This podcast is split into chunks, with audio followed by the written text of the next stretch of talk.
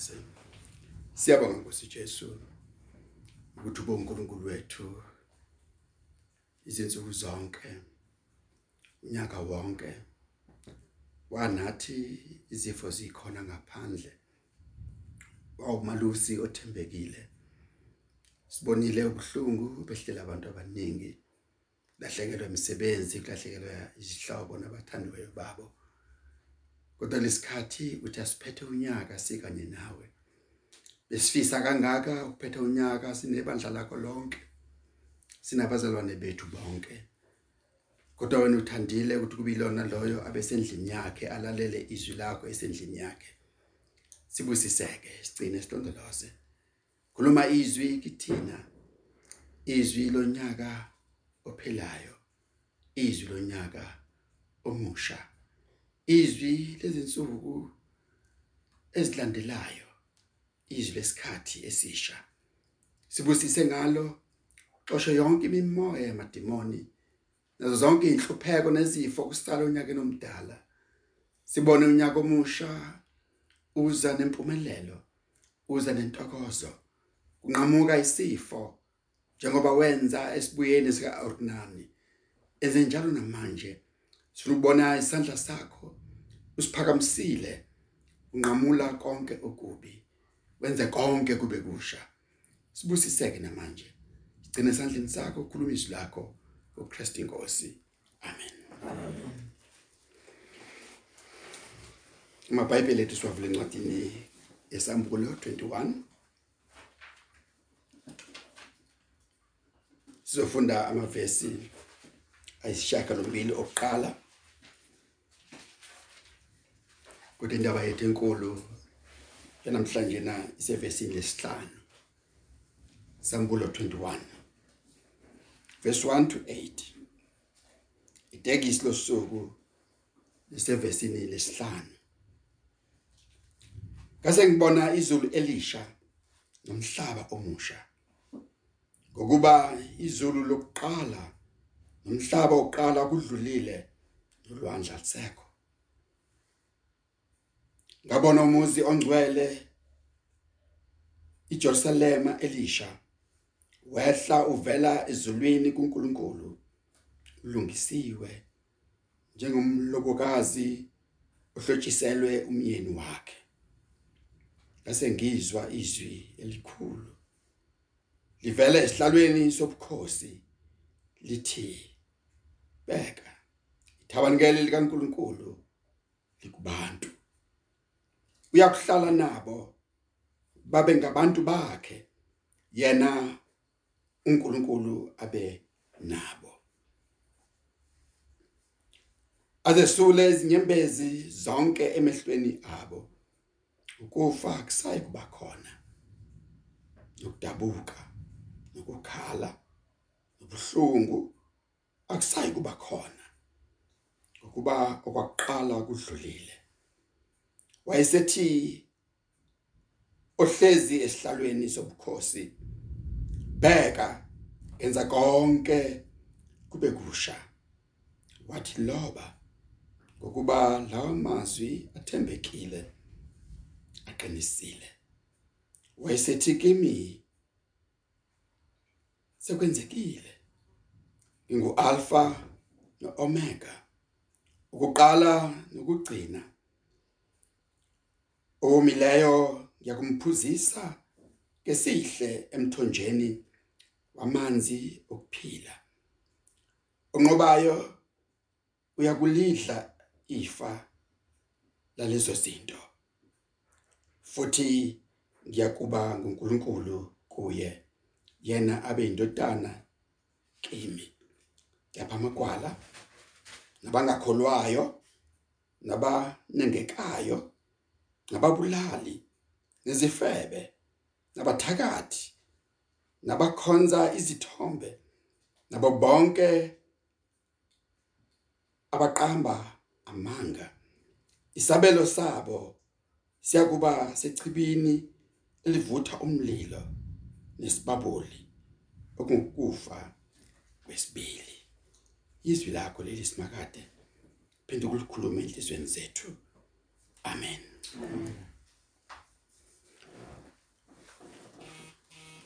Kulendaba esikuyona ibingelele abazalwane bonke emakhaya ibingelele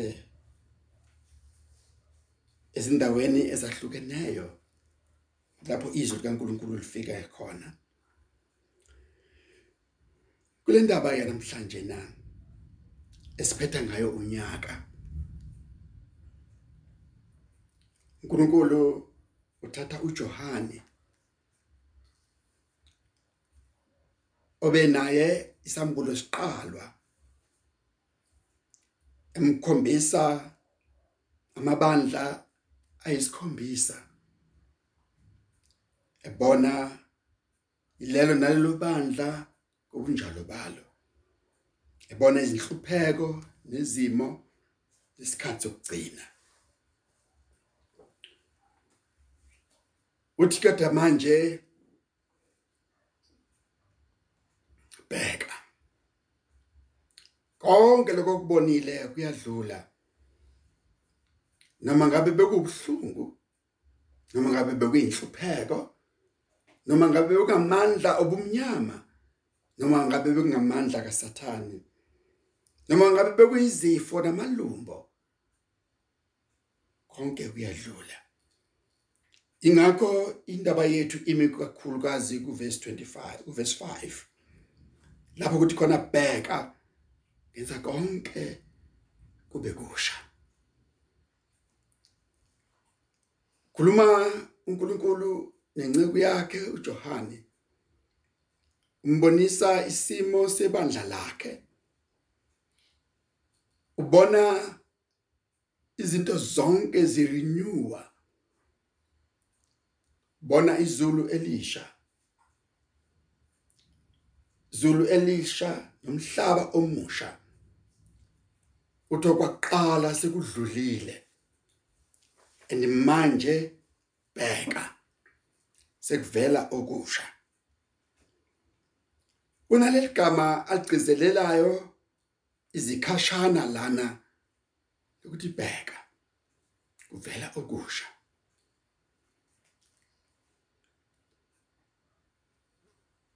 Bheka kenza konke kube kusha.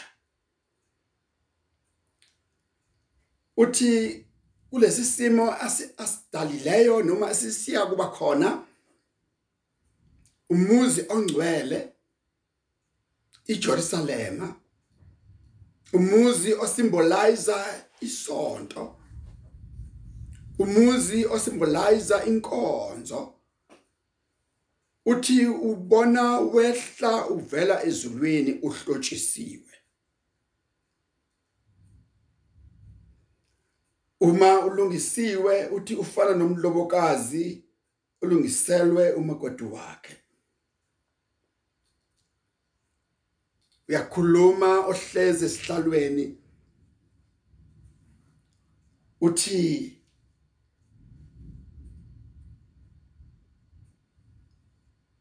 bheka ithabanikele likaNkuluNkulu likubantu. eJerusalema kunethempeli. Ngaphambi kwethempeli kwakukhona ithabanikeli okwakuyitende okwakukhonzelwa kulona elalibizwa ukuthi itende lokuhlangana futhi lalibizwa ukuthi itende lobufakazi lifakazela ipresence kaNkuluNkulu. Ukuthi uNkulunkulu ukubantu bakhe. uNkulunkulu uphakathi kwabo. Phela khona ethabanikeli lapho kwakunalomphongolo wesivumelwano owawuyisimboli yobukhona bukaNkuluNkulu. Kwesisikhathi wawubizwa ngesihlalo somusa. Khumbula phela ukuthi lo mphongolo isivalo sawo sasinamakerobi amabili avula amaphiko. Simboli ezingelosi ezimbili ezivula amaphiko. Andike isikhathi sasehlane behamba khona nemphongolo nethabanikeli. Kubonakala ifu elalihleli ngathi liyawuthinta. Andilelo lifu elabonakala ngelilanga ngesikhathi sika Hezekiya umprofeti lisuka lushiya. Lishiya indawo engcwele lisuka phezukomphongolo lahlala odongeni. Emva kwesikhathi kwabonakala liphuma lishiya ithabanikeli lishiya ithempeli. Okwakuwuphawu lokuthi uNkulunkulu lishiyile ibandla lakhe ulishiyile ithempeli lakhe usishiyile isihlalo somusa akasekho phakathi kwabantu akasekho ethempelini. Kodwa manje kuJohane ubona umuzi ongcwele wehla uvele ezulwini uzwa izwi elithi bheka ithabanikele likaNkuluNkulu libantu. Alisekho eJerusalem nje kodwa selilapho bekhona abakholwayo. Lapho likhona ibandla likaKristu ithabanikele likaNkuluNkulu likhona. uNkulunkulu ukubantu bakhe. Asho njalo omunye emehlabelela ngelinye ilanga ethi kubantu bakho Nkosi. Thabanikele likaNkuluNkulu lekubantu uyakuhlala nabo yena abonkulunkulu wabo.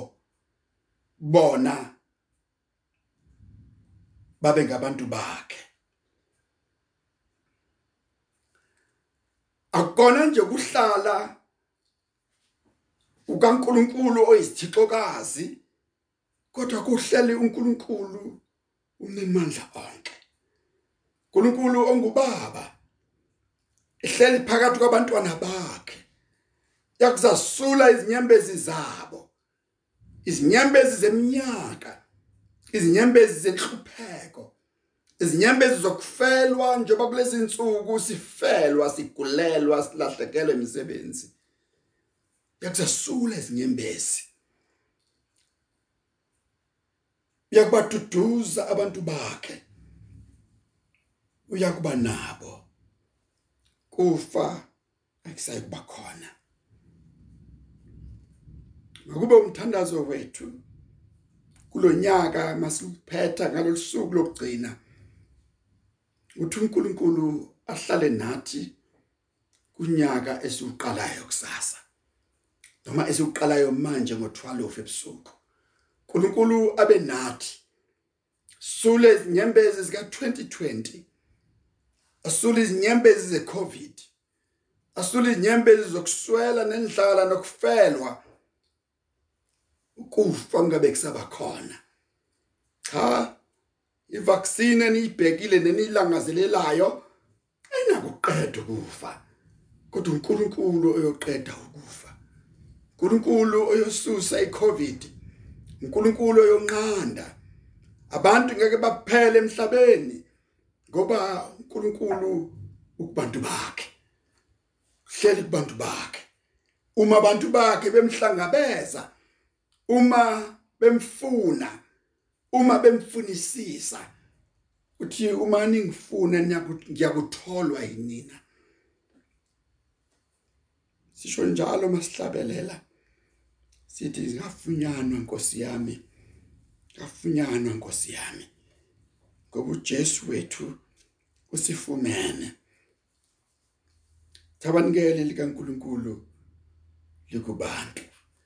Ngithe indaba yethu enkulu isesahlukweni sevesini lesihlanu lapho ethi khona ohlezi esihlalweni sobukhosi bheka. Ngenza konke kube kusha. Isikhathi esisha isikhathi secleansing isikhathi semvuselelo kuvuselelwa izinto ezintsha. Kugudluzwa izinto ezindala. Kwesisikhathi uma kwenziwa ushintsho kuba kuhlungu kithina ngoba kunezinto esesizijwayele kunezinto esesizikho ebese sizikhonzile kunezinto ebesidinge zethu. Kodwa uthi ukuthi umdali wakho konke ngidala konke manje kube kusha. Kwaqala kudlulile. Loba kufanele kubhaliwe ukuthi kwenziwe kwakusha. Kwenziwe kwakusha ukusindiswa kwethu. Kwenziwe kwakusha ukukhonza kwethu. Akufani nokukhonza kwabakaIsrayeli. Akufani nokukhonza kwabasehlane. Akufani nokukhonza kwababekhonza beseGibhithe. Akufani nokukhonza kwabantu abangasindiswanga. Akufani nokukhonza kwabantu abangagcwaliswanga ngomoya ingcwele ngenza konke kube kusha. Ngibuyisa isimilo kwabangenasimilo. Ngibuyisa ithemba kwabangenathemba. Ngibuyisa inhlalakahle kwabangenanhlalakahle. Ngibuyisa ukuthula. Lapho ukuthula kungasekho khona ngenza konke kube kusha. Mvumele enze konke kube kusha. Mongena kulonyaka meme khuleka memeze. Itwoza Nkosi Jesu. Woza unyusa ibandla lakho. Makambeswe ngobungcwele lo makoti wakho. Lenza konke kube kusha. uNkulunkulu wethu uzosingenisa nakulonyaka enze kube unyaka omusha. Enze kuba ukwesaba kwezifo kuphele. Ukwesaba ukufana ukugula kuphele. Ukwesaba ukuphelelwa imisebenzi nendlala nobubha kudlule ngenza konke. Kube kusho ngakho liqaphela bheka nothisa ukuthi ngenza konke. Kube kusha esontweni kwabakholwayo emhlabeni wonke. Ngenza konke kube kusha. Beka phela ukuthi isikhathi esikusona asikaze sifane nesinye isikhathi. Asikho isikhathi lapho umhlaba wakwagula wonke. Lingabikho izwe lingaguli. Kuvamisile makufika isifo sifike emazweni aseAfrika kubantu abampofu abalambile abaswele. Kodwa kulesikhathi ukugula kuhlasela izikhulu kuhlasela ohulumeni kuhlasela omangameli kuhlasela ondunankulu kuhlasela amakhosi kuhlasela abantu kazana. Uhlasela othembuzane abantu abangenalutho. Ngobani ngenza konke. Kube kusha.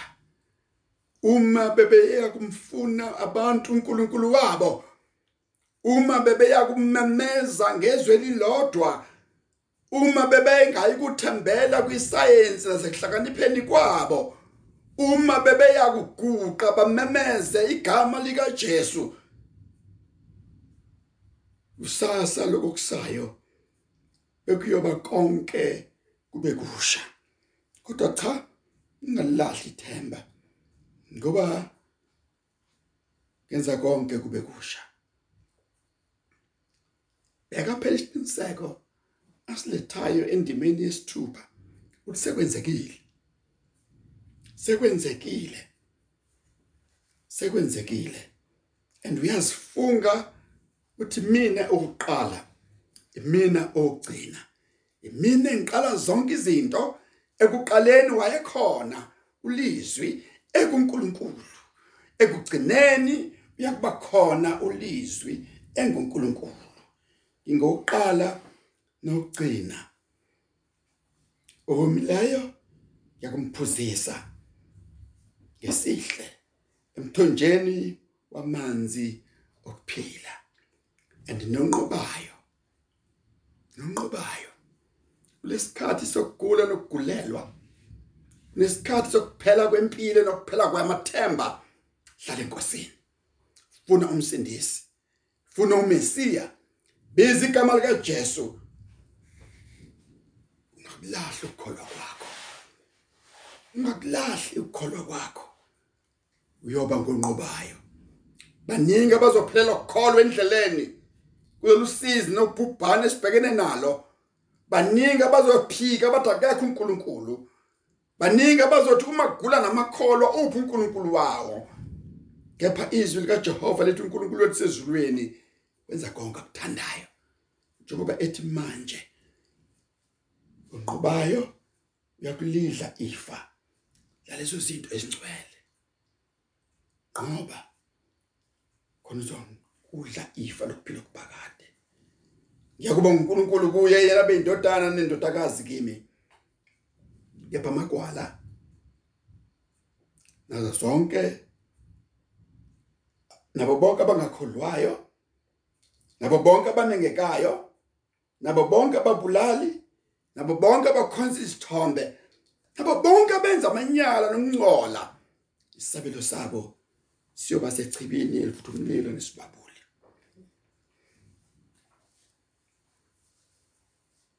abayokuhlala ezweni elisha. Abayokuhlala nabanqobileyo abayokuhlala izehluleki nabangakholwa nabamphikayo uNkulunkulu nabo bonke abazenzisi abazenza abakholwayo bengakholwa. Isabelo sabo sechibini elivutha umlilo nesibabuli. Ngubani na? Ngenza konke.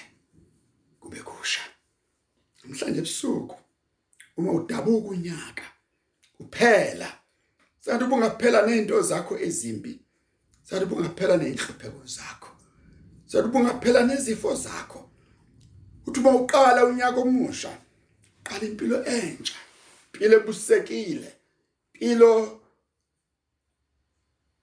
ethenjiswe nguNkulunkulu uAlpha noOmega. Uqala kwezinto ezintsha. Nokuphetha kwezinto ezinhle. Nikela impilo yakho ngalesikhathi. Fune senokutholwa. Umbize siseduzane bese omubi eshiya indlela yakhe ebuyela kuNkulunkulu wethu. Ngoba uyakwenza konke kube kusha. Amen. Amen. Siyabonga Nkosi Jesu. Siyabonga izwi lakho. Enza kube kusha ukuphila kwethu. Enza kube kusha ukukuthanda. Enza kube kusha ukuphila. Xosha izifo. Xosha amandla kasathani xosha onke amalumbo. Xosha konke ukuhlukumezeka kwabantukazana phansi kwemibuso nabohulumeni abangakholwa bese uletha konke ukuthula ngoba wena Jesu ungukuthula kwethu. Siyabonga ukuthi sekwenzekile ngoba wena uyisiqalo nesiphetho sethu unguKristu wethu. Amen. amen